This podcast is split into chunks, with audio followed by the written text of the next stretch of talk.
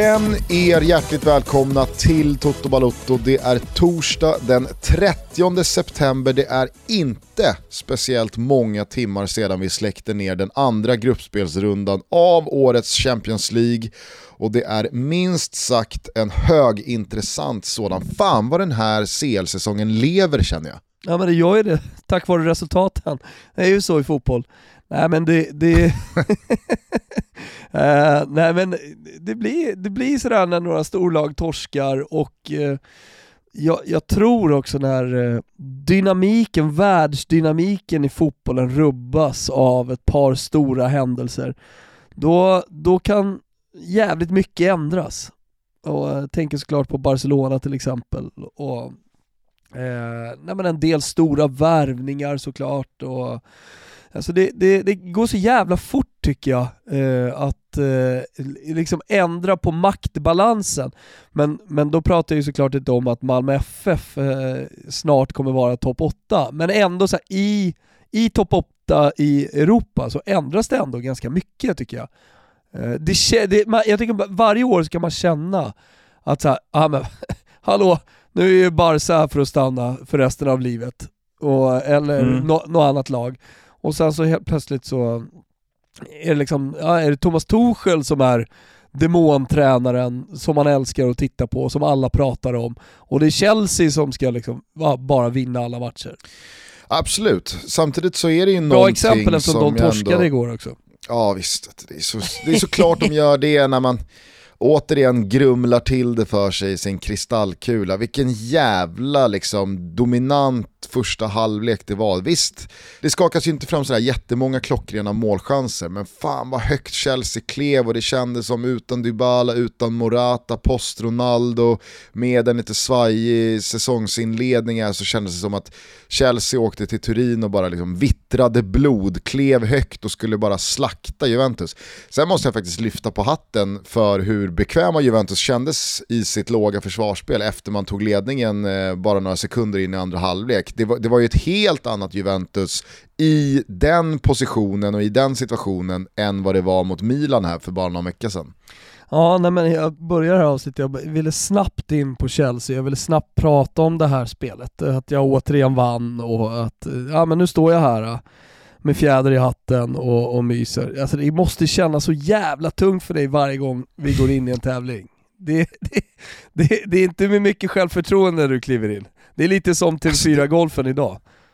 Det börjar faktiskt eh, bli sådär eh, obehagligt många förluster för att man ska kunna skylla på någon slump eller stolpe ut eller analysen var i alla fall korrekt. Ja. Nu, nu, nu, nu kanske jag bara ska dra igen kakhålet eh, ett, ett, ett, tag framöver. Jag vet inte, vi får se. Ja. Eh, det, det, var i alla fall, det var i alla fall en bra Juventus-insats, det måste man ju säga, inte minst defensivt. Eh, ja. det, det, det, var kanske inte, det var kanske inte en första halvlek som Ja, men som osade eh, stora stygga Juventus eh, på ny kurs mot ännu en final, men eh, jag tycker verkligen det var framsteg eh, sett till hur det har sett ut defensivt och skillnaden mot hur hur man uppträdde eh, i sitt låga försvarsspel mot Milan kontra igår så var det ju ändå ett, eh, ett Allegri-Juventus utifrån förutsättningarna som ändå kändes jävligt eh, tunga. Ja, exakt. Eh, max 2, återkomsten, skriver La Gazzetta dello Sport. Ger honom 8 för den. Ja, men, eh, vad ska man göra när man möter Champions League-mästarna som dessutom visar prov på jävligt god form med Lukaku dessutom i laget, så att det är ju ett bättre Chelsea egentligen än eh, förra säsongen som har fått mer tid under Tuchel. Ja, men du, du, då, då måste du ju stå lågt eh, och du måste försöka hitta en slags trygghet i, eller en slags trygghet, du måste hitta en trygghet i försvaret.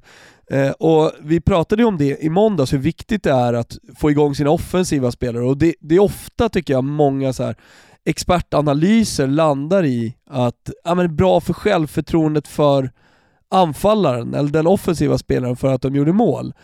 Eh, det är minst lika vikt, den här prestationen är ju minst lika viktig som eh, Barcelonas 3-0 mål på Luke de Jong och eh, Ansu Fati och vem var den tredje?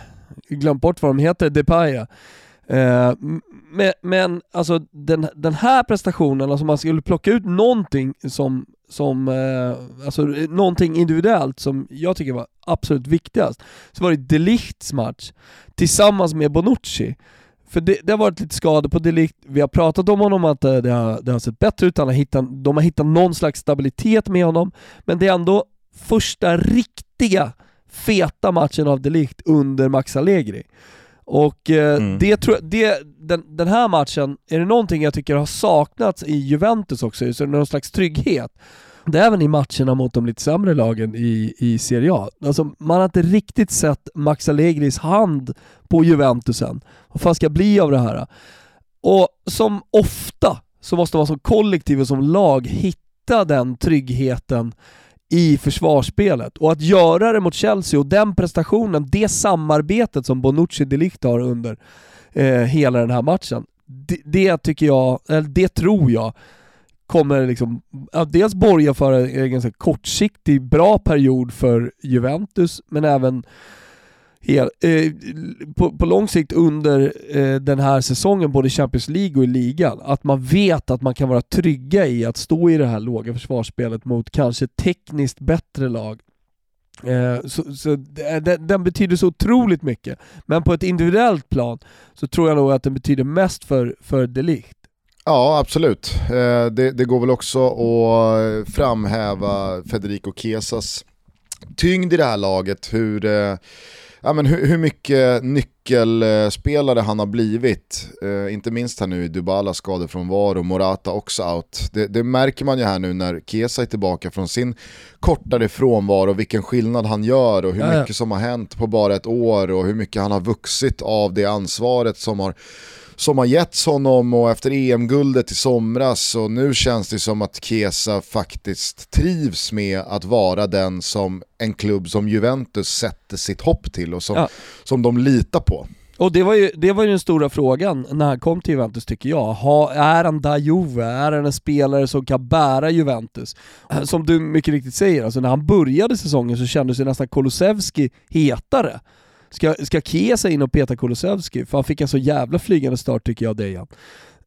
Efter ett år nu med EM-guldet som du säger, bärande eh, i offensiv för, för eh, det italienska landslaget, så är det ju eh, eh Federico Chiesa som tar det stora offensiva ansvaret. Alltså det, det, är också någonting man alltid pratar om i fotboll, om, om defensivt ansvar, hemjobb. Tar man inte hemjobbet så blir man utbytt och så vidare.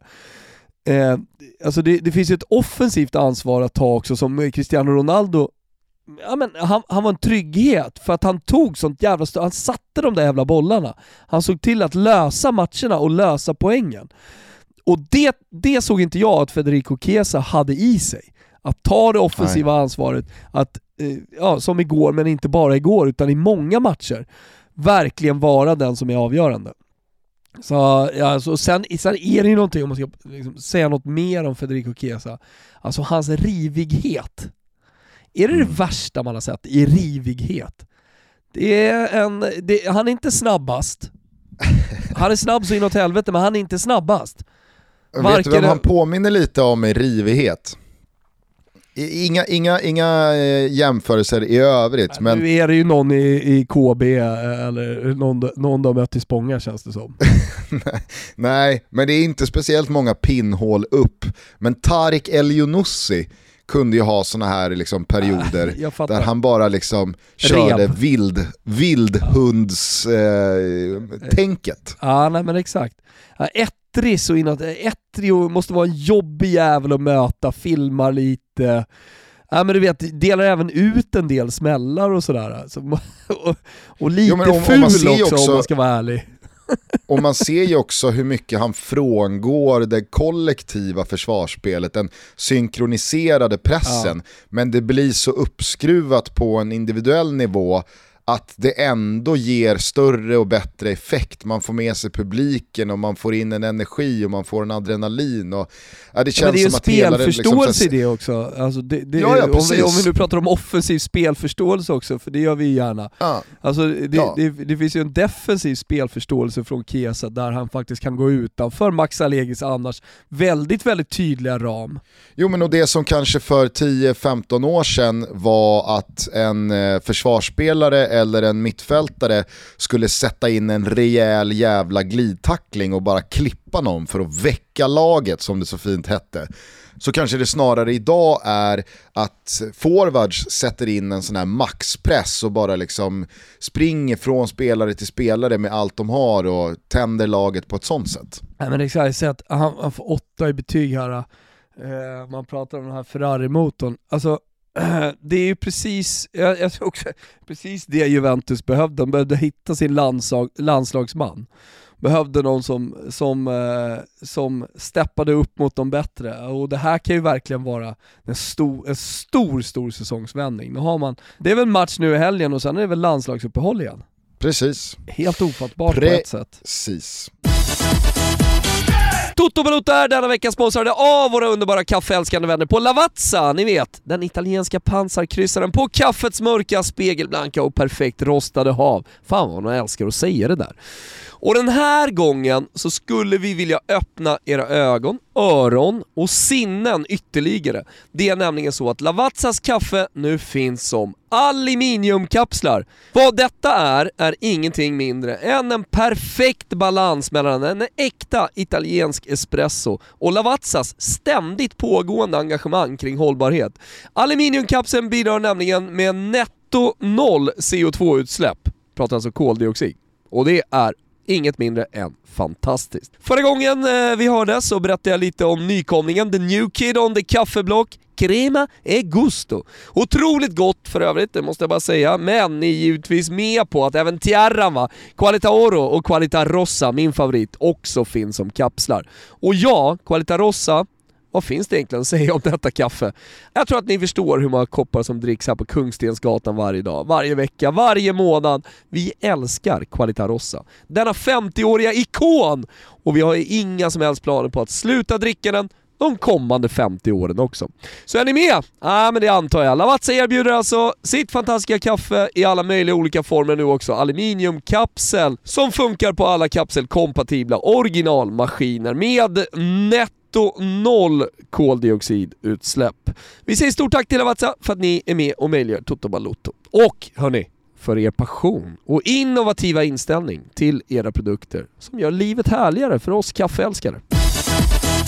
Ja, det var en eh, stor och tung seger för Juventus. Vi hamnade i den utifrån en initial känsla av att det är något speciellt med den här Champions League-säsongen och där skulle jag bara vilja knyta ihop säcken innan vi går tillbaka till de faktiska matcherna som har spelats den här omgången. För att det var ju ett par år där där väldigt många ansåg att Champions Leagues gruppspelsfas var så jävla ointressant, det var samma matcher, det var samma resultat, det fanns två lag som stack ut, det fanns två lag som var där och turistade och som slogs om Europa League-platsen som, som tredjeplatsen alltså innebär. Eh, det, det hade inte hänt sådär jättemycket på de allra största spelarnas fronter vad gäller klubbadresser. Det var tränare som ja, men kanske satt eh, mer bekvämt på sina positioner, lämnade man så gick man inte till något nytt lag utan det var snarare då en sabbatperiod som väntade. Till den här säsongen så är det ju så jävla mycket som har hänt bland de absolut största. Både tränare men kanske framförallt spelare. Maktstrukturen som du är inne på har ändrats mer än vanligt eh, under en, en kortare period. Vi ser stora drakar vackla, vi ser andra stora drakar börjar närma sig eh, återigen en peak och så finns det då så pass många intressanta spelare av den yttersta yttersta nivån som hamnat i olika klubbar vilket har gjort att ja, men he, det, hela den här jävla säsongen och inledningen av Champions League känns som att det, det, det håller på att sätta sig på ett så jävla spännande och, och, och härligt sätt. Eh, och och det, det tycker jag verkligen märks. Jag tycker den här liksom, ja men, sheriff-segern borta mot Real Madrid som kanske är den största skrällen i turneringens historia. Vissa ropar då Rubin Kazan borta mot Barcelona, men Rubin Kazan var ju någonting annat än sheriff ska man ju komma ihåg, även fast Barcelona kanske var, Barcelona då, alltså 2009, var väl kanske snäppet värre än Real Madrid idag, men ändå, och det, och det som glädjer mig, det som jag tycker är liksom extra roligt med den här Sheriff-knallen, det är att Sheriff kliver upp på 6 poäng efter två omgångar och nu på allvar hela vägen in i sjätte omgången kommer ha chansen att vara med och påverka utgången av den här gruppen. Så det är inte bara en sån här liksom slip-up-torsk av Real Madrid i första eller andra omgången som inte kommer betyda någonting.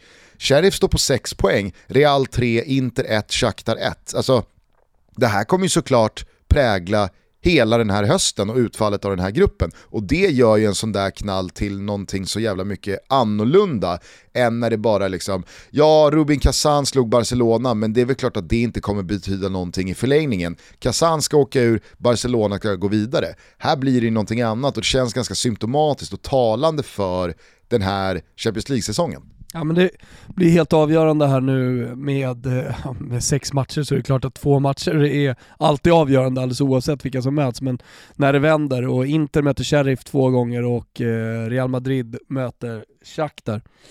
Eh, jag menar, skulle de två stora favoriterna i den här gruppen kunna spänna musklerna och ta två segrar här vilket, vilket de såklart kan. Eh, låt oss vara tydliga, bara titta till listan. Som ni såklart redan har gjort. Eh, men ändå, eh, där, där, är, där skulle ju Real Madrid kunna gå upp på 9 och inte ligga på 7 inför eh, de sista omgångarna. Men du har också Real Madrid, absolut, inte, du har också Real Madrid Inter, Inter en... i sista. Exakt, och Inter är, även om de skulle slå Sheriff två gånger om här nu, en poäng före dem. Men så har man på det ett Leipzig som under ett flertal säsonger varit den tyska uppstickaren som etablerat sig i toppen och som absolut spelmässigt har hotat de allra bästa. Visst, ett par tunga spelartapp och sin tränare i somras, men det är ändå en klubb som ja, men, har här att göra. De står på noll poäng. Stora, stygga, stolta Milan, näst mesta mästarna är tillbaka i Champions League. De har gjort två överlag väldigt bra insatser eh, sett till att man är tillbaka i turneringen för första gången på sju år. De står på noll poäng. Eh, Inter, ja men Serie A-mästarna, har väl absolut inte gjort bort sig i, i, i, någon match här. Man bränner lite för mycket mot Shakhtar. Jag tycker man är riktigt bra mot Real Madrid i en timme. De står på en poäng, noll gjorda mål. Barcelona har aldrig inlett ett Champions League-gruppspel med två torsk. Visst, vi har alla koll på nedmonteringen i Barcelona, men det är fortfarande Barcelona. Äh, där är det 0-6 i röven, 0 poäng, 2 torsk och dunderkris. Villarreal ja, men jättebra mot Atalanta, kanske ännu bättre igår mot Manchester United. Europa League-mästare, Unai Emery och en jävla fin spelartrupp och, och, ett spel som imponerar stort på mig. De ligger sist i sin grupp. Ja, men det, det, det, jävla sprakande säsongsinledning alltså. Ja, men det är det verkligen. Eh, du eh, tar det liksom framåt här eh, via, via tabellerna märker jag och jag, jag tycker, tycker att många av de här lagen du, du nämner som eh, ligger där i botten, alltså du, du nämner Villarreal, de kommer inte stanna på en, en poäng, de ser jättebra ut. Eh, Dynamo Kiev Eh, Barcelona där i botten. Nu möts ju de i ett dubbelmöte, alltså, det sa vi ju, och där var vi väldigt tydliga i Tutski CL. Alltså Dynamo Kiev är ett bra jävla lag med många ukrainska landslagsmän och eh, spets värvat eh, till ett redan stabilt lag. Alltså Inter, dubbelmöte med Sheriff som eh, så, så vi pratade om, det kan mycket väl bli, bli, eh, bli sex poäng. Milan, jag vet inte, ska vi landa lite i, i Milans prestation här senast? Eh, vi, jag menar, vi måste ta oss vidare från det här. Jag tror och... att lyssnarna efter våran Juventus-tunga inledning ah, inte så. gärna fortsätter i ja, Italien Vi kan prata om Atletico. Madrid, om, om, om eh, du, du så vill. Vi kan vända på det. Alltså med den offensiven, med de spelarna på planen, att inte kunna skapa fler chanser, är det dåligt av Atletico Madrid? Eller är det mer, eh, som vi pratade om med Max Allegro och Juventus, eh, eh, en, eh, en bra defensiv prestation av Milan? Eller kanske en kombination? Kanske en kombination, men jag tycker att Atletico Madrid återigen står för en sån här insats som har varit väldigt mycket deras melodi hela den här säsongsinledningen. Alltså det är krampaktigt, det gnisslar och det krånglar och det sitter hårt inne och man får med sig både sena kvitteringar och sena vändningar och jag tycker inte alls att det stämmer offensivt. Det finns en absolut solid defensiv grund att luta sig mot, men så pass många gånger som man hamnar i underläge och det är välförtjänt så känner inte jag att Atletico Madrid... Kändes inte så jävla solitt första halvtimmen mot Milan. Nej men överlag menar jag att liksom, det finns ju en solid Såklart. defensiv grund i Diego Simeones ja, lagbygge blir, som man det, har... Det är det jag menar, det är därför jag blir så jävla förvånad över att de släpper till så jävla mycket chanser. Alltså innan Kessis utvisning, du vet det är friläge från 30 meter. Ja, absolut, och chanser hela tiden. Alltså det, då, Milan skapar ju chanser överallt i mm. sista tredjedelen. Och visst kändes det väl som att eh, Leaos eh, bicykleta hade godkänts eh, om den hade suttit. Det, alltså, det vinkades ju, för, det, det, det, dök ju upp en flagga men på reprisen så såg det ut som att det, det inte var offside. Eh, och som du är inne på, Oblak räddar ju ett friläge, det är marginaler emot, sen är det ju en riktigt puckad jävla utvisning av Frankesi eh, att ta i det läget. Eh, men eh, alltså, eh, jag, jag, bara för att knyta ihop säcken kring Atletico Madrid, de som har följt deras inledning i La Liga har ju sett samma sak, att man har man har fått med sig ett kryss hemma mot Villarreal när man ska torska genom ett självmål på tilläggstid. Man har vänt sent mot både det ena och det andra laget och det har varit en, en återkomst av Griezmann som inte alls har flugit. Det pratade ju Simeone om efter matchen till Frida Nordstrand att nej, det är riktigt viktigt här för Griezmann att göra det här målet. Jag är oerhört glad för hans skull. För det här, också, det här behövde han. Ja, absolut. Riktigt, riktigt jävla bra. Liksom. Men Joao Felix har ju sett eh, otroligt eh, liksom, eh, icke-harmonisk ut, eh, visades ut för någon ligamatch sen och det har inte alls eh,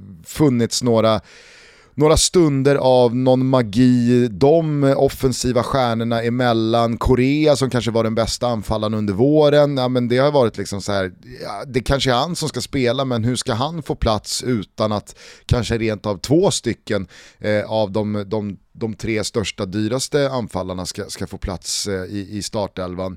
Eh, så att, jag vet inte, jag, jag, jag tycker att eh, det, det, är en eh, det är en svajig inledning av La Liga-mästarna, men eh, på samma sätt som eh, Milan eh, har 2-1 eh, ledning på, på Anfield i, i premiären, som de nu slarvar bort eh, en, en 1-0-ledning mot Atletico Madrid, så tror jag inte heller att man ska liksom underskatta rutinen, erfarenheten och ja, men, tyngden i eh, det Atletico Madrid och Liverpool har på den här nivån i de här sammanhangen att matcherna håller på 95 minuter.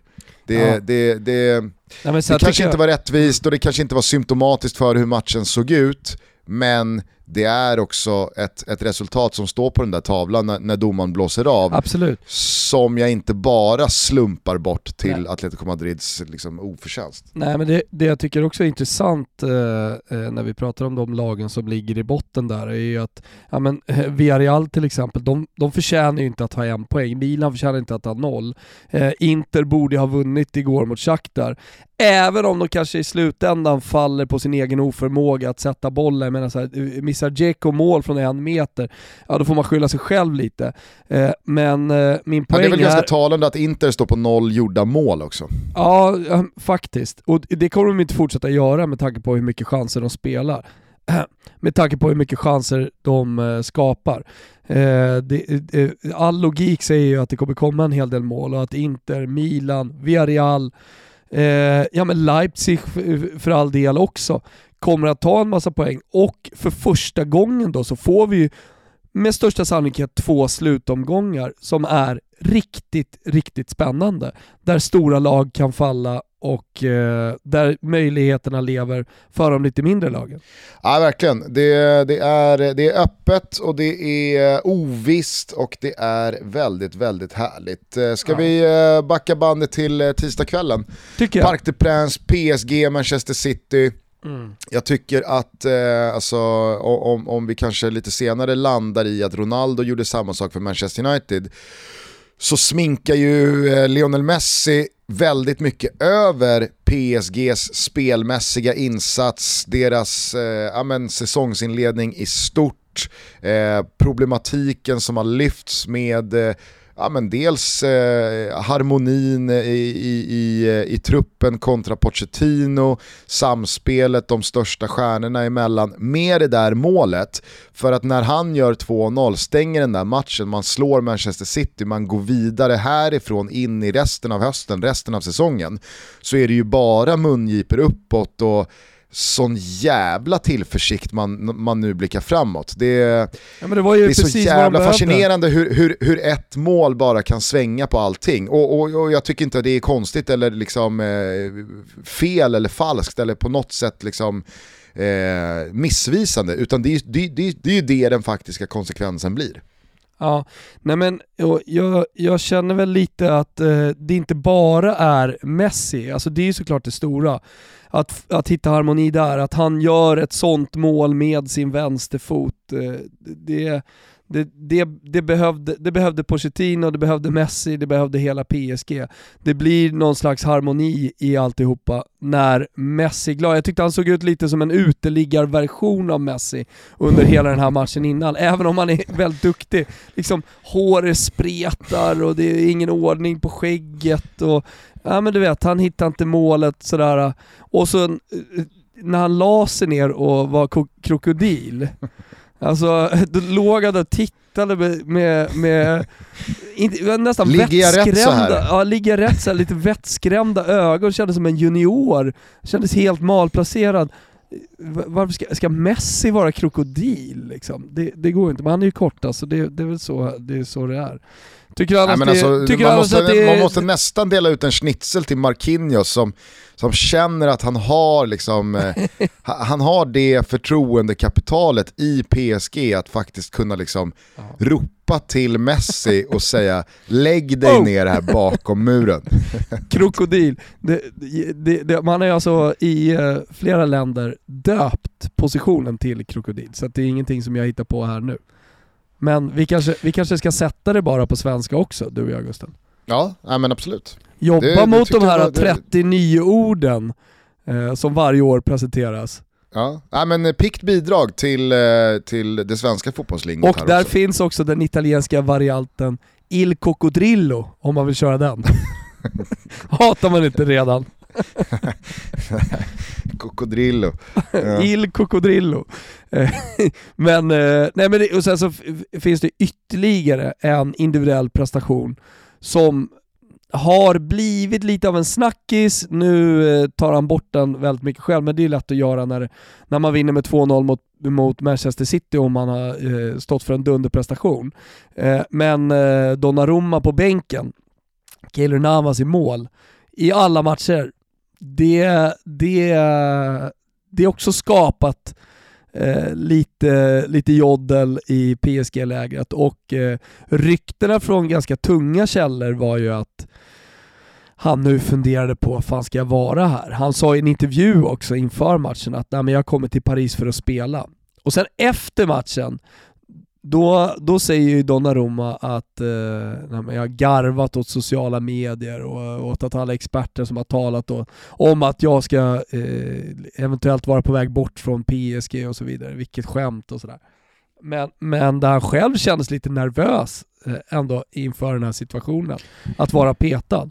Men att han gör den matchen som han gör, för om det nu har funnits då två situationer i PSG, om vi glömmer bort resultaten och säsongsinledning som absolut inte är någon katastrof, eh, så, så löstes ju båda med den här matchen. På något sätt. Absolut. Sen så är det väl en, en, en sanning med modifikation där, att han inte har fått spela. Han har ju ändå två eh, 90 minuter i, i ligaspelet, så han har ju inte bara suttit kvist eh, hela, hela stora, tiden här sen han, sen han kom till Frankrike. Ah, ja, verkligen. Eh, jag tycker dessutom man ska lyfta fram att eh, Marco Verratti eh, återigen visar liksom sin storhet från sin lilla, lilla, lilla, lilla kropp och lyfts fram efter matchen både från PSG-håll men från Pep Guardiola-håll också. Att, ja, men, bortsett alla enorma nyförvärv som har anslutit under sommaren och att Neymar och Mbappé redan fanns på plats så är väldigt mycket liksom Marco Verratti eh, tungan på vågen för PSG i och med att han, han blir liksom ett sånt jävla nav, eh, både defensivt men framförallt kreativt och offensivt eh, på det där mittfältet. Så att Verrattis insats, Donnarummas liksom ja, men start på sin tid i PSG, Messis första mål och den katalysatorn det blir. Att man också nu står på fyra poäng, för det gör ju också att man kan ja, men man, kan, man kan lite kliva vidare och släppa och glömma den där insatsen mot Klubb Brygge. För att vänder man på det så tror jag alla hade tagit fyra poäng på förhand efter två matcher, Klubb Brygge och Manchester City. Många hade säkert trott att det skulle vara tre poäng mot Brygge och en poäng mot City i sådana fall. Men det är fyra poäng sammanlagt, så att skitsamma från vilket håll de kom. Nu står, nu står PSG på fyra poäng, man har inte förlorat, man har sju raka i ligan, man har ytterligare spelare på väg tillbaka, inte minst och Sergio Ramos, Messi har spräckt den där nollan. Fan vad man glömt Sergio Ramos. Ja, ja, ja. Men alltså, vad, vad händer när han kliver in i det här laget? Ja. Det, nej men det, det, det, var en match som, eh, som, som jag inledde med, kanske inte var den bästa den här heller, men vad kommer det här resultatet, vad kommer det där målet från Messi, vad kommer den här liksom kvällen innebära för PSGs fortsättning under den här säsongen? Jag, jag, jag tror att eh, vi, vi nog ska spänna fast oss för eh, att, att, att det kan innebära rejäla jävla Ja men att det börjar alltså. flyga och att de börjar hitta varandra i anfallet och att alltså, den här harmonin gör att de Nej men du säger det, det är sju raka segrar, de har vunnit över City, eh, man kommer gå vidare från den här gruppen. Ja men det, det, det kanske inte är mot eh, Nice i ligan som Sergio Ramos behövs. Men eh, ju längre den här säsongen går, desto tuffare matcher och mer avgörande de blir, det är då han ska kliva fram, det är då han ska vara liksom, ledaren, eh, tycker jag i alla fall, eh, i, i PSG. Samtidigt som jag faktiskt måste säga att man, man alldeles för sällan, även i den här podden och eh, utanför vår värld, tycker jag, lyfter Kimpembe Marquinhos som mittbackspar. Sant. Alltså jävligt underskattat mittbackspar. Otroligt. Alltså när de spelar som de gör mot City här, Alltså visst, Sergio Ramos ska väl kunna ta plats och färga och lyfta alla lag i världen. Men eh, det är inte mycket som saknas i Kimpembe Marquinhos tycker ja, jag. Men det finns ju någonting härligt i det mittbacksparet. Alltså om man tar Chiellini Bonucci, så är de fantastiska och de är intelligenta och eh, rutinerade, står alltid rätt. Och Chiellini är så jävla härlig va, oj oj oj vad man älskar High five och eh, high ten och eh, fyra, fyra tacklingar och som, hörn bort nickar och grejer. Han är så jävla helylle och skojar med domarna och motståndarna. Ah. Oj vad trevlig han är. Slak slaktaren från Livorno.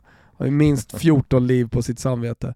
Men, eh, va, nej, men det, det som är med dem, det är att de är, så, de är så mjuka i kroppen. Jag tänkte säga rörliga där, men jag menar, de är så mjuka och följsamma och estetiskt sköna att titta på på något sätt.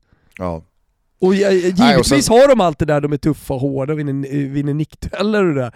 Men, men, men, men jämför med Bonucci Chiellini så, som eh, är lite vitvaror i, i sina sätt att röra sig på, så är de gymnaster. De är mm. liksom så jävla följsamma och kroppskontrolliga. Ja, ah, jag har sagt det förr. Eh, jag, jag, jag trodde inte Marquinhos hade den här liksom uppsteppningen i sig ledarmässigt. Han var ju väldigt mycket en, en mittback som jag i alla fall trodde var beroende av att få hålla Thiago Silva i handen och få spela bredvid honom. Vissa mittbackar blir ju så jävla bra av det. Liksom, vi kan ta eh, hur många exempel som helst på det, men, ja, men så som eh, Rafael Varan såg ut bredvid Sergio Ramos, så såg han ju inte ut när han då sen skulle leda mittlåset eh, och ha Militao bredvid sig. Det, det, det, finns ju hur många exempel som helst på det här, men, men jag trodde inte och jag såg inte Marquinhos liksom steppa upp post Thiago Silva och bli den han var för Marquinhos gentemot Kimpembe. Så det ska bli jävligt spännande att se, för jag misstänker att det är Kimpembe som får flytta på sig om Pochettino har tänkt att fortsätta spela två mittbackar när Sergio Ramos väl ska in i det där mittlåset och vad som händer med Marquinhos då. Ska han bossa med Sergio Ramos eller hemfaller han då till rollen han hade eh, med Thiago Silva bredvid sig. Kanske blir delat ledarskap eh, och det behöver väl inte vara helt dumt, men, men det som du säger, Alltså det sista eldprovet som ledare i det här stjärnbeprydda eh, PSG-laget, det är ju när han kallar till sig Messi och bara ropar Messi! Il Cocodrillo! alltså, gör han det även på Ramos, då, då det, är liksom, det är sista bossen. Messi, det är sista bossen. Messi har gått ut, 89 minuten. Ramos! Il cocodrillo! Ramos! Il cocodrillo! ja, får han Ramos att lägga sig och spärra upp ögonen som Messi gjorde, då, då, då tar nog eh, Marquinhos liksom plats på tronen som fotbollsvärldens mäktigaste. Efter, då petar han ner Pelle Kotschack tar liksom tronen från Kotschak som den mest inflytelserika och tunga auran som vandrar denna jord. Ja, vad, är, status på Kotschak annars?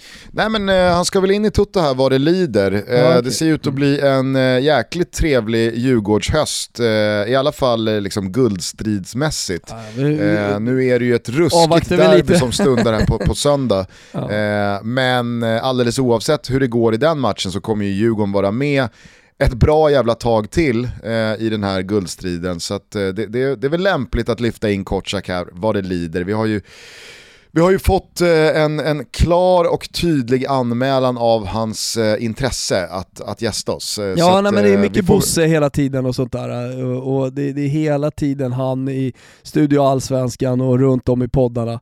Vi kör Pelle Kortsak, det är vår gubbe i Djurgården.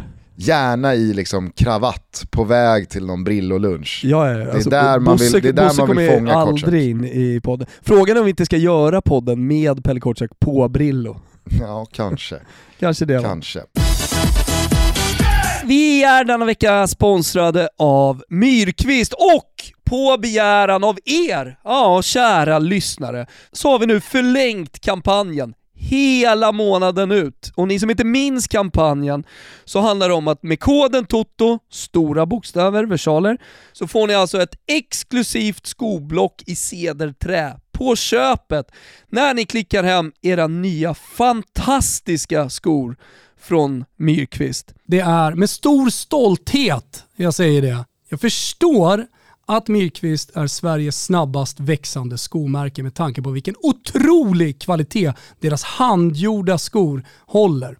Handgjorda i Portugal och material då inköpta från de finaste garvenierna i Europa. Jag som har bott i Florens, ja, jag är väldigt kräsen med mina skor. Där finns det ju dels väldigt många garverier, men också väldigt många skomakare. Och jag kan säga att Myrkvist, de håller absolut toppklass. Gå in i butiken eller gå in på myrkvist.se ni frågar, vi fixar såklart hela månaden ut. Koden är TOTO i versaler. Vi säger stort tack till Myrkvist. Eh, men eh, tillbaks till eh, CL då, för att eh, om, om, om Messis mål eh, på något sätt sminkade över PSGs insats men kan vara en jävla effektiv rekyl för fortsättningen så är ju känslan lite tvärtom eh, i eh, Manchester Uniteds seger mot Villarreal, där alltså Cristiano Ronaldo återigen räddar skinnet på sitt lag, på sin tränare, med ett sent mål, hans 136 i turneringen, han firade jubileum igår också när han klev förbi Iker Casillas som den mesta Champions League-spelaren någonsin med 178 matcher. Alltså all heder åt Cristiano Ronaldo som återigen kliver fram med bara sekunder kvar och avgör matchen och skjuter alla poäng till sin ringhörna. Hans insats på en individuell nivå var inte mycket att hänga i granen. På kollektiv nivå, Manchester United är ju oerhört bleka igen. Hittar man några linjer, hittar man några liksom, eh, principer, hittar man någon spelidé? Nej, jag vet det fan alltså. Ole Gunnar Solskär återigen med ett par märkliga byten. Jag tycker Villarreal förtjänade mycket mer än bara en poäng. Jag var jävligt imponerad av Unai Emerys matchplan, sättet man utför eh, de här 90 minuterna, Danjuma, Jeremy Pino. Alltså, jävla fin insats från Villarreal. Danjuma, Men, fan vilken gubbe alltså. Ja, otroligt. Alltså mm. otroligt hur man kan bara liksom springa runt och explodera i Championship, ja. gå för 200 millar till, till Villarreal och sen så eh, leverera på den här nivån i Champions League. Det, är, nej, det, det, det, var, det var häftigt. Men även fast vi inte ska liksom återigen dra någon harang om Ole Gunnar och eh, det, det hackar Manchester United, så går det ju inte att komma ifrån att han verkar inte liksom på något sätt förstå hur det ser ut spelmässigt för att Ronaldo räddar honom än en gång, skjuter tre poäng till hans lag och, och, och, och, återigen så verkar han tro att allt är frid och fröjd. Jag tyckte Vicky Blomé sa det jävligt bra i studion när vi hade lyssnat till hans intervju efter matchen där det bara är liksom, äh, men när du har Cristiano i laget så har du alltid en chans och eh, han är så jävla massiv och det, det, det var en enormt viktig seger för oss. Eh, eh, inga ord, Vicky sa det så här, här vill man ju att Ole Gunnar Solskjers liksom konsensus är Ja, det, det, det, var en otroligt härlig seger och Cristiano Ronaldo är fantastisk, men låt oss vara ärliga. Insatsen över 95 minuter är inte bra. Det här är ingen insats som jag är nöjd med. Men det finns ju inga spår av det. Nej men jag, jag tänker på Solskär i ett annat lag då, utan spelare som löser segrar. Alltså hur, hur, hur, hur skulle han vara i ett mittenlag i ett sämre lag i Champions League? I ett mittenlag i, och jag menar, du behöver, det behöver absolut inte vara i mittenlag och i bottenlag som en tränares storhet eh, eh bedöms eh, och eh, eh, slås fast. Eh, jag menar Zinedine Zidane, ja men han är väl en tränare för de stora lagen, Ancelotti ska vara där också. Men, men jag tycker ändå att med Ole Gunnar Solskär så, så vore det intressant på något sätt att se honom i ett lite sämre lag och se vad han skulle kunna åstadkomma där. Alltså, vad är hans fotboll lite grann? Eh, och det, det är där man har svår, svårt att se över tid och kontinuitet i.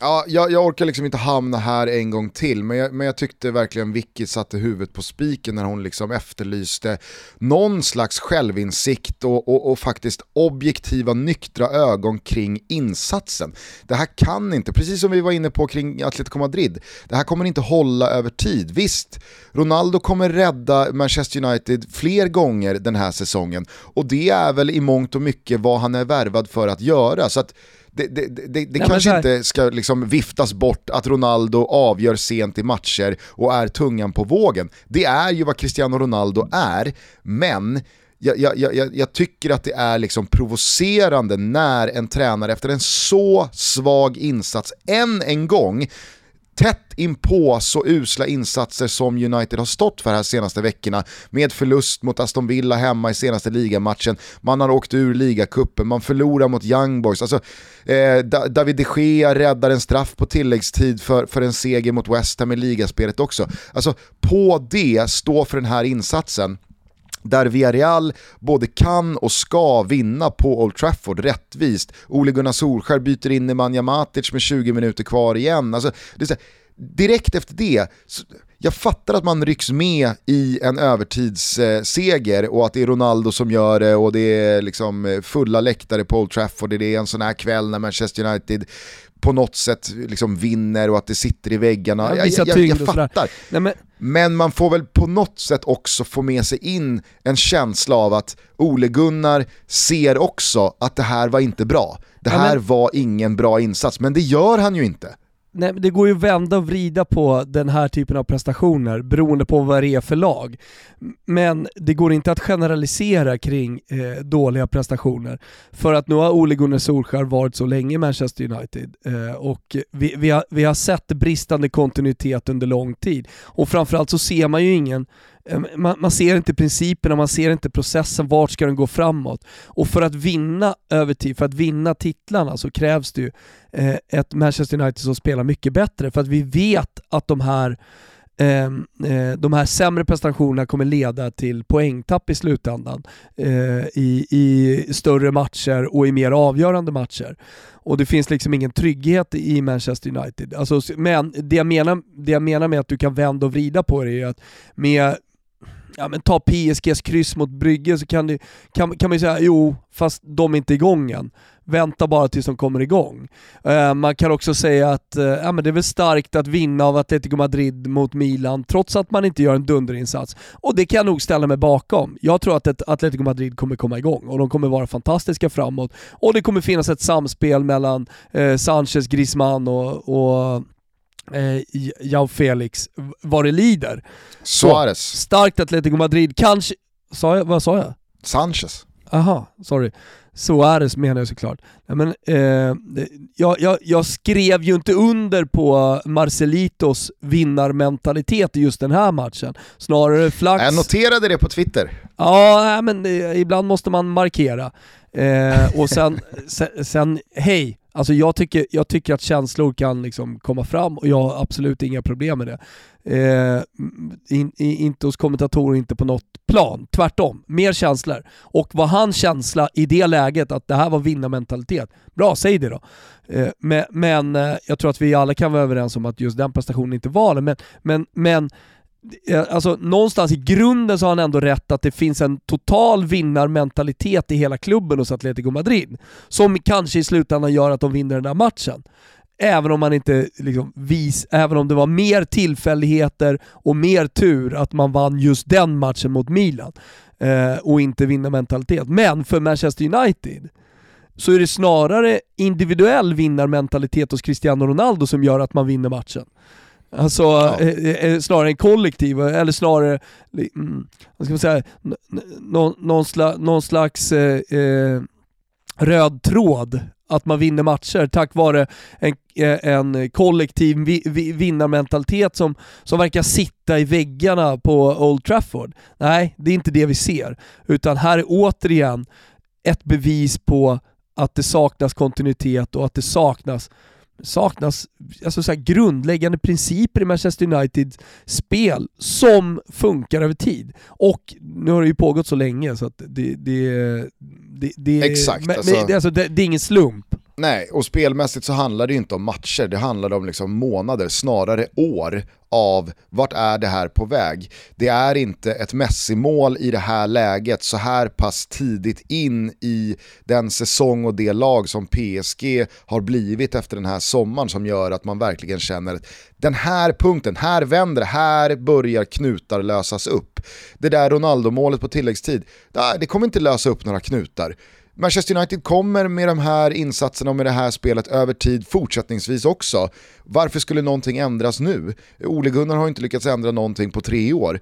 Alltså, de kommer ha Liverpool, de kommer ha Manchester City, de kommer ha Chelsea, minst, framför ja. sig över 38 omgångar i ligaspelet. De kommer på Champions League-nivå kanske kravla sig vidare från den här gruppen med Villarreal, Atalanta och Young Boys. Men vad händer sen? Vad händer när de springer in i ett av de tyngsta lagen med den individuella skickligheten i den sista tredjedelen eller i straffområdet som kanske inte Villarreal eller Young Boys eller Atalanta besitter. Det går i alla fall inte att sitta här och tro på det. Det är Nej, men då, alltså så här, och, och, och, och, är det där vi är med Manchester United fortsättningsvis, att ja, men det blir en fjärde plats säkrat Champions League-spel nästa säsong, men vi åkte ut i åttondelsfinalen ja, eller kvartsfinalen. Vet du vad, det är ja, men... jätteokej för eh, ett lag som Milan. Eh, eller ja, eh, ta vilket lag som helst höll jag på att säga. Men inte för Manchester United efter alla de värvningarna och efter de här åren. Nej, exakt. exakt. Eh, vi släpper eh, United, Ronaldo, PSG, City. Jag tycker bara att vi kort måste notera två eh, titelkandidater som har öppnat den här säsongen urstarkt men som ändå flyger lite under radarn. Bayern München gjorde 5-0 på Dynamo Kiev och allting bara liksom ser ut att stämma för Lewandowski, Thomas Müller, Gnabry, Sané, Nagelsmann ja, och så vidare. Kassar liksom? Hallå? Äh, otroligt faktiskt. Är det Fotbollskanalen Leroy... eller är det på Simor man går in för att kolla på målen för er som har missat det? Men alltså det är några sådana jävla mål som Bayern gör alltså. Alltså Gnabrys avslut är så sexigt när det är så här, äh, jag smäller upp den i taket bara. Eh, Leroy Sané har ju haft en ganska jobbig säsongsinledning här, blivit ja, utbuad av hemmasupportrarna. Firade inte så jättemycket heller vid målet. Så. Nej, men, men jag, jag, hoppas, för jag tycker Leroy Sané är, är, är, är värd mer. Eh, åkte det på sig en jobbig skada där i, i, i slutet på sin tid i Manchester City och så vidare. Eh, jag, jag hoppas för, för hans skull och Bayerns skull också att eh, de, de hamnar rätt här och det var väl en kanoninsats igår eh, so, som mycket väl kan vara eh, steget till eh, ja, men de har 3-0 att, att den relationen blomstrar. Liksom. Mm. Och ja, sen vet jag inte hur, men... hur, hur vi ska värdera 3-0 mot uh, Barcelona i och med att de torskar 3-0 mot Benfica också. men ändå. Nej visst, det, det, det, det, kanske bara är tre poäng och en Inga stor seger alla lag ska ta. Eh, på, på Camp Nou längre. Jag tycker i alla fall att eh, Bayern Münchens eh, 8-0 och 6 poäng här på två omgångar eh, understryker deras roll som eh, en av de absolut största favoriterna ja, till största titeln. Största i min värld. Men under eh, radarn kanske än mer, alltså, jag vet inte fan om jag tar i när jag säger att de flyger under radarn, men det pratas inte så mycket i alla fall tycker jag om Liverpools eh, inledning här på Champions League-spelet.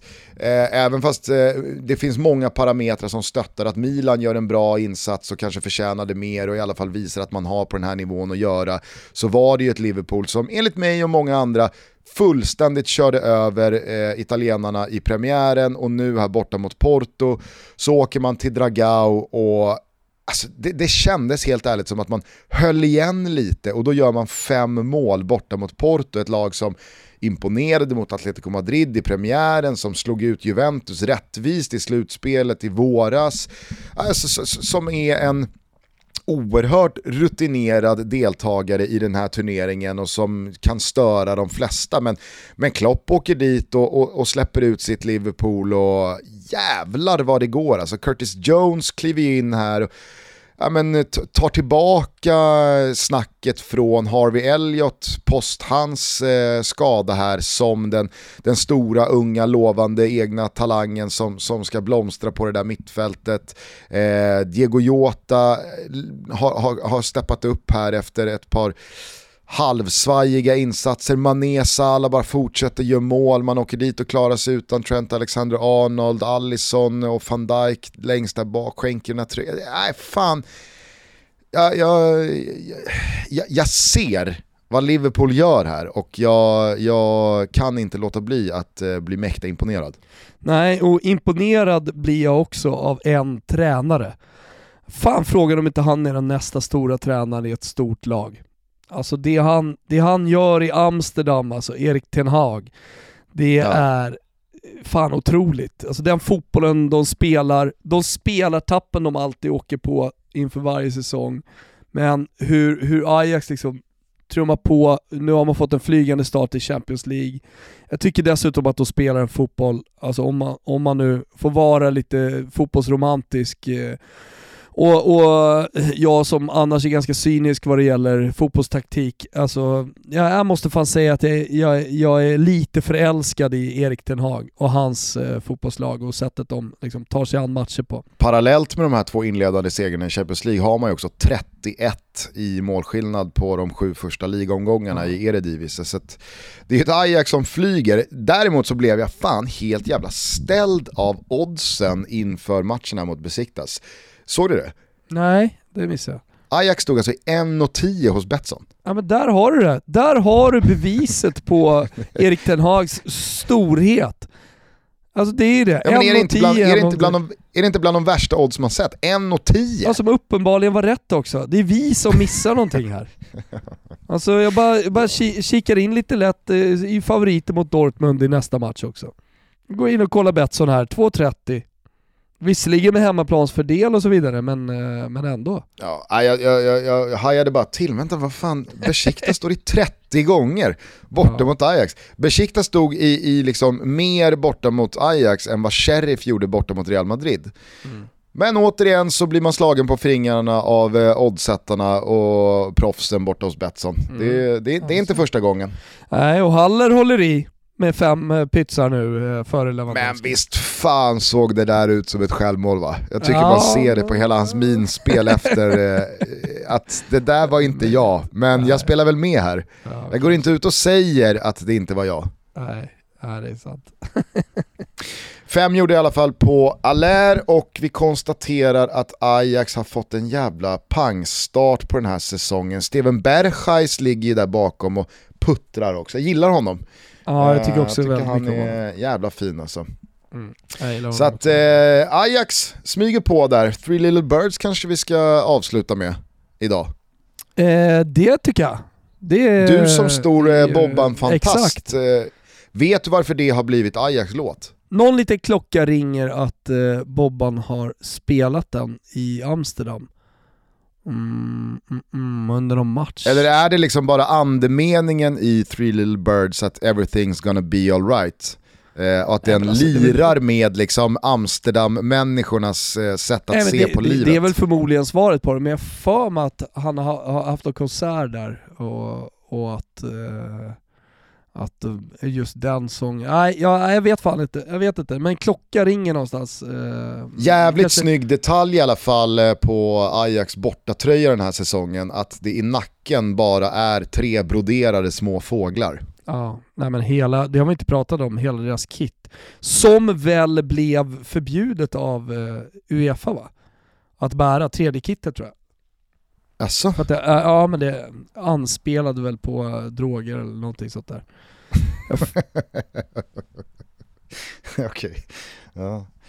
Nej, men det- det är ett otroligt- det är Uefa brukar ju, kunna, brukar ju kunna kliva in eh, och ha sitt att säga om tröjor. Var det kanske tror- därför, jag vet inte, alltså, jag, jag ser inte drogkopplingen, men var det bara jag eller såg jag i syne? Alltså, jag, jag, jag, jag noterade Inters typ femte eh, Eh, olika tröja för säsongen mot Shakhtar när de spelade i helvitt. Alltså de har ju haft sina, sin hemmatröja då den här liksom cirkelprickiga, spräckliga som eh, går in i varandra, som jag förvisso tycker är ganska eh, cool.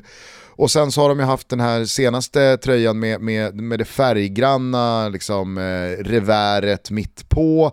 De har haft ormtröjan och så nu mot Shakhtar så var det helvitt. Men jag tyckte att den där jävla ormen på något sätt fanns där ändå, men den var liksom borttagen. Kanske var det Uefa som hade gått in och, och, och, och petat i tröjor, jag vet inte fan alltså. Men, Ja, eh, ja, men nu- nu- tycker in, nu Inter har en ny lite. tröja för varje match de spelar. Alltså. Ja, här får vi bli eh, upplysta av våra lyssnare. Det tar väl 10 sekunder när det här avsnittet kommer ut så är det någon som vet exakt hur det ligger till med Ajax tredje tröja och Uefas beslut och eh, eh, ja, Inter. Eh, men eh, ja, klart är att Ajax i alla fall tycks om och eh, kanske ingen snitsel, men eh, med stor kärlek till eh, Erik Ten Hag som jag tycker eh, gör det så jävla bra.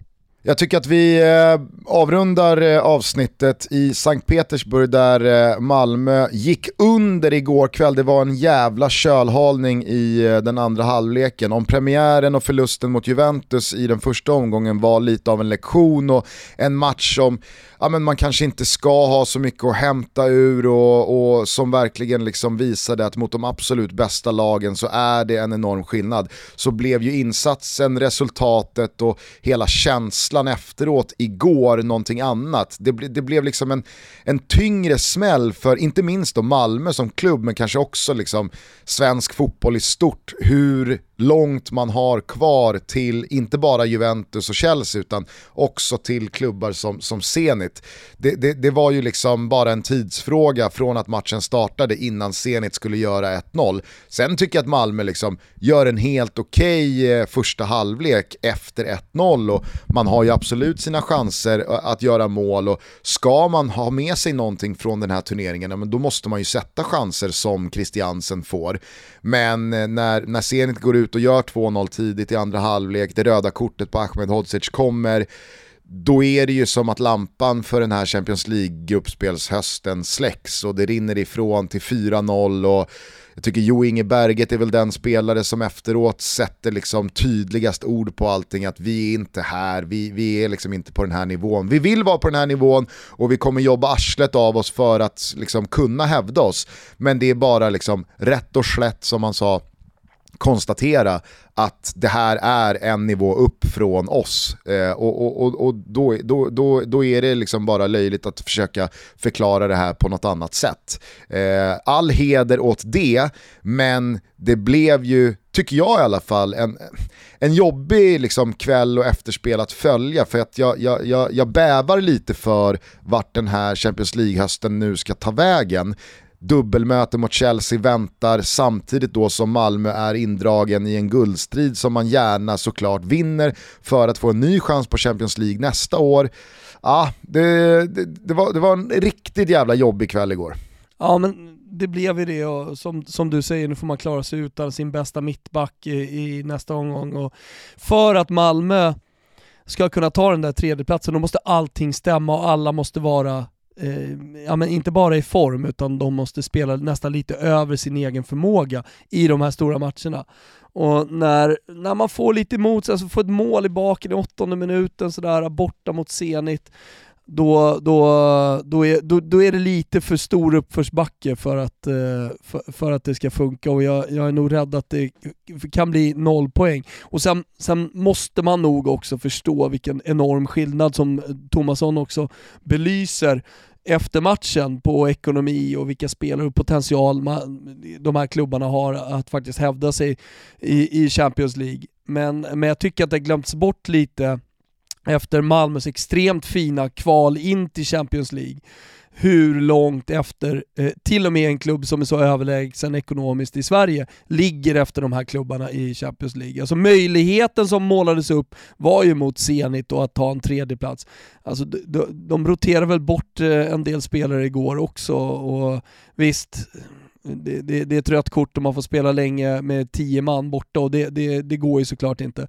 Men, men jag tycker ändå att man kanske var lite för optimistiskt från svenskt håll av allt jag har lyssnat på och sett och läst i alla fall eh, kring de här matcherna mot Zenit och möjligheten att ta en tredje plats. Det, ja, det var i alla fall i min värld, det, det, det, det, fanns liksom inte. Utan, eh, ja, men Malmö är turister och det är skitkul att vara där och det är så jävla starkt av dem att ta sig dit. Men väl där så är, så är gapet för stort alltså. Det, det är speciellt när man hamnar mot den här typen av motstånd. Det, de, de är för bra. Och jag tror också att man stirrar sig lite blind på Zenits förra säsong, att det varit kanske lite problem och man har stått för en del enskilda liksom, dåliga prestationer sådär. Alltså Zenit, de är vana att vara här. Alltså, det här är ju deras vardag, att spela Champions League-matcher. Ja. Nej, men jag, jag, känner mig väl eh, lite träffad i det där. Jag, jag, kan absolut se min, eh, min roll i det stora gänget som medialt var optimistiska och som, som med all rätt var det efter insatserna i kvalspelet och värvningarna som gjordes både inför säsongen och under sommaren och hur de tog sig in i laget. Och, ja, men det, det, är ingenting jag skäms för att jag tillhörde den stora skaran som trodde att Malmö nog absolut skulle kunna vara med och störa Zenit i, i, i kampen om, om tredjeplatsen.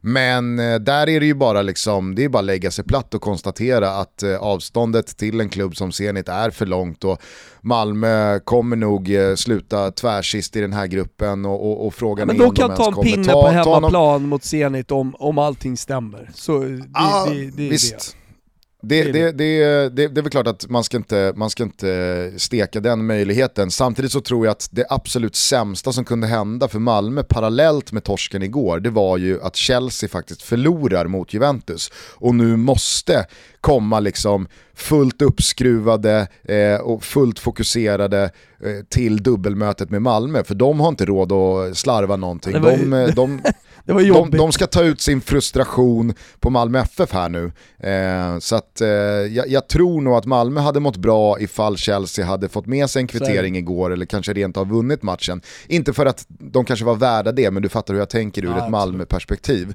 Eh, men jag skulle bara liksom avsluta med det. Det, det, det här får ju fungera som en påminnelse återigen om att de svenska mästarna, många gånger Malmö de senaste åren, det, det, är ett jävla avstånd till de etablerade Champions League-klubbarna. Tröskeln mellan att ta sig in i den här turneringen och att väl där faktiskt hävda sig, den är hög, den är jobbig. Det kanske är värt att påminna folk om att Claudinho, som alltså gör 1-0 igår på Malmö, det är en spelare Zenit hämtade här under sommaren för 120 miljoner kronor. Det är ju en spottstyver för en klubb som Zenit och för en Champions League-klubb i, i stort. 120 miljoner, herregud vad får man för det idag? Men alltså, tänk dig bara Malmö FF liksom ge sig in i kampen om en spelare för 120 miljoner kronor det är ju liksom, det, det, det, det, är, det är skrattretande ens tänka tanken att Malmö skulle lägga 100-120 miljoner kronor på en spelare. Ja, det, nej, det, det, det, är liksom, det är summor från en annan galax ja. än den som Malmö verkar i. Nej men det, alltså, eh, dörren är öppen här till, eh, till turistandet i Champions League, jag har ju predikat länge. Eh, och med det så vill jag liksom inte ta, ta ner Malmös prestation att ta sig till Champions League, vilket inga andra allsvenska klubbar lyckas med och förmodligen kommer lyckas med heller. Men, men jag kan ändå vara tydlig kring just turistandet för vissa klubbar i Champions League. Och Malmö är definitivt där. Sen ska man ju verkligen också eh, komma ihåg från Malmöhåll att man tyvärr tvingas klara sig utan ett par nyckelspelare för mycket. Jag tror att eh, Malmö FF verkligen hade mått bra av att ha med sig Ola Toivonen in i en sån här turnering. Nu är han långtidsskadad och knäskadad sedan länge och hade inte så mycket att göra med kvalspelet in i den här turneringen, jag vet det också. Men honom eh, liksom, tar man ju hem igen för att kunna använda i just de här sammanhangen. Samma sak med Niklas Moisander, Jonas Knudsen går eh, knäskadad också länge, man tvingas eh, avvara Oskar Lewicki, man eh, tvingas klara sig utan Sören Rex i den här matchen. Det, det, finns ju såklart pusselbitar som kanske inte hade gjort så stor skillnad på utfallet i det här gruppspelet efter sex spelade omgångar, men som jag tror absolut hade gjort skillnad för ja, men, Malmös eh, lägsta nivå, att man inte liksom som igår i andra halvlek eh, klappar ihop och eh, korken dras ut och man tar in lite för mycket vatten och känslan av ja, men nästan hopplöshet sista halvtimmen. D där är det väl klart att Malmö hade mått bättre av att ha sitt absolut bästa lag på banan. Nej, nej, nej alltså det, det, är fundamentalt för att man överhuvudtaget ska kunna göra en bra prestation även om man förlorar. Att man har precis alla spelare eh, tillgängliga och som sagt att de maxpresterar i, i de här matcherna. Det, det, det, det är inte svårare än så. Jag såg nu för övrigt Augusten att eh, det är just de tre små fåglarna som man inte får ha broderade på tröjan. För att det då är någon slags... Eh... Man får ta några symboler eh, som inte är typ klubbens eller sponsorer eh, och så vidare. Eh, men det är klart att de tycker att det, Uefa tycker att det är jobbigt att det, det är en hyllning till Bob Marley. Direkt blir det jobbigt för Uefa jag, jag, jag, kunde någonstans ändå förstå Uefa i somras när de klev in och korrigerade Ukrainas tröjor som då hade liksom inbroderat Krimhalvön och, och att det stod i kragen typ heder åt eh, liksom soldaterna som fallit, alltså att det verkligen var liksom... det, det är en jävla fotbollströja liksom. ja men det var inte ens mellan raderna utan det var liksom så här pang rätt in i den här liksom, konflikten och ja, men, det, det, det mer eller mindre eh, konkreta inbördeskriget, att man tar ställning i det och att Uefa liksom får gå in och sätta ner foten att nej, vi, vi, vi ska nog ändå ta bort liksom, de här eh, ganska så, så raka passningarna till just den här konflikten. Mm. Men att man inte liksom kan släppa igenom att en klubb har tre små fåglar broderade i nacken. Ah, det blir lite det väl petigt alltså. Eh, det blir lite väl petigt. Nu är vi sena på den här bollen men eh, vi, vi skickar en retroaktiv gulasch till Uefas högkvarter. Ja, alltså eh, om det bara var liksom osmakligt av Uefa att kliva in och, och förbjuda Tyskland att tända upp Allianz Arena i regnbågens färger i somras för att det på något sätt skulle vara liksom ett, ett politiskt statement. Så det här blir ju bara, liksom, det här blir ju bara, det här blir bara löjligt. Ja, alltså, jag känner för att bli känslosam här äh, mitt i villkorstrappor och eh, diskussioner om eh, nedsättning av eh, publikkapacitet. Asfaltera Neon! Efter beslutet att ta bort de tre små fåglarna på Ajax tröja. Asfaltera den där jävla skithålan till stad. Fan vilket skönt avslut vi får Gusten här. Asfaltera neon är slutord. Eh, jag tror att det får bli uh, slutorden faktiskt. Vi rullar igång... Three little birds Gugge kommer alldeles strax, men vi har en toto-trippel. Ja, ja, ja. Och uh, nu, nu, har vi, nu har vi satt oss ner, nu har vi knåpat, återigen lite stolpe ut, men jag tror att man ska rygga i helgen. Jag känner att det, det, i, i helgen så, så är vi eh, är vi redo för, för någonting stort. Alltså här. jävla surt och, eh, sist alltså. Elfsborg åker ju ner till Listerlandet och kammar noll, men vad fan kommer Mjällbys fyra påsar ifrån? Åh, vad tröttsamt ja, alltså. Ja, det var riktigt tröttsamt. Eh, men hörni, lystring då inför helgen. Vi tror att det blir målrikt på Stadio Artemio Franki. Och eh, alltså anledningen till det är dels oddset som är eh, plus 1,70 eh, i, i en, visserligen så är det liksom lite nedspelat men jag tycker fortfarande det är ett bra odds bara på singeln. Eh, i en match som jag är helt övertygad om kommer bli så jävla chansrik. Nico Gonzales tillbaka för, eh, för Fiorentina. Napoli kanske lite trötta i defensiven efter, eh, efter eh, Europa League här eh, nu idag på torsdagen och så vidare. Så, men men eh, över 2,5 på Franki, den matchen kommer flyga. Vi tror också starkt på Inter mot eh, Sassuolo. Eh, de borde ha fått med sig ett bättre resultat mot Shakhtar. Jag tror att de känner sig revanschlystna, eh, Inter alltså. Eh, visserligen ett Sassuolo som har inlett bra, men nej, fan den här matchen vinner bara Inter. Jag tar oss till Yorkshire, Leeds vinner. De möter eh, trötta Watford. Eh, och där har ni trippen, hittar den under godbitar, boostad odds. Eh, var med oss i helgen, det här tror vi starkt på. Glöm inte bort att ni måste vara 18 år och att stödlinjen.se finns. Om man har problem med spel, det är väl ett bra avslut Gugge, nu är det bara att ta en Pepsi Mango, nya smaken borta hos Pepsi och känna, ja men jag tror inte man ska ta en Pepsi Mango och hålla på och blanda i en massa grejer, utan jag tror att Pepsi Mango-grejen, det är att den ska vara kylskåpskall. Så gå in i liksom valfri affär, drick den till någon god maträtt, eh, eller drick den bara som den är. Och så tror jag att ni kommer må jäkligt mycket bättre och ni kommer få en flygande start inför helgen. Låter väl bra Gugge? Jag tror jag får checka med mig en sån på vägen här nu till eh, Österåker och eh, TV4 och simor golfen eh, där jag alltså slår ut tillsammans med Ville Schauman om en och en halv timme. Det ska bli jävligt spännande. Plus handikappade? Få se hur det går. Ja, det, det förutsätter jag. Får se hur det går här med, med, min enorma träningsverk efter mina PT-pass här i dagarna och eh, sena kvällar. Blodiga oktober har ingenting på hur blodigt det kommer bli för Gugge ute på golfbanan. Exakt, men hörni på tal om Simor eh, så fortsätter ju Fotbollssöndag Europa eh, om bara några dagar. Då är det Atalanta-Milan som står i huvudfokus. Det är ju en riktig eh, jävla pärla med förhoppningsvis då den 40 40-årsfirande Zlatan Ibrahimovic tillbaka i eh, Milans matchtrupp. Han fyller alltså 40 barre på söndag. Det blir ju ruskigt ja, speciellt alltså.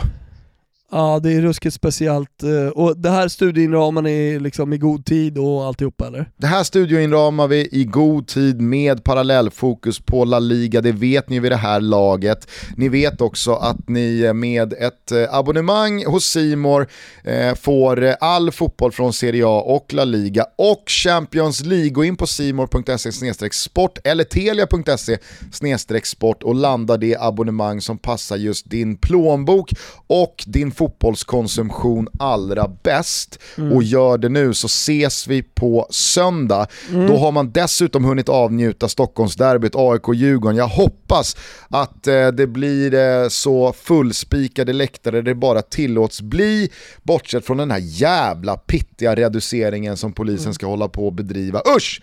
Men eh, där eh, känns det som att vi talar för redan eh, frälsta öron så att vi ja. behöver inte ge oss in mer i den diskussionen just nu. Ja, man får följa mitt twittrande istället. Det, där... Man får följa Wilbur José på, på, på Twitter istället. Ja. Eh, det är bra. Det är en ruskig helg som i alla fall stundar. Eh, njut av den så hörs vi igen på måndag. Här kommer lite balsam för själen i form av Bobbans Three Little Birds. Don't worry hörni, everything is gonna be alright. Hörru, har det så jävla roligt med Hockeytoto ikväll. Eh, stort tack, stort tack. Det blir körning. Eh, sju matcher och full, full jävla kareta med Dicken, Fimpen, Kimpen och, och Nubben och allt vad fan de heter. Hockeygubbarna. Ta hand om varandra. Ciao tutti! Ciao tutti!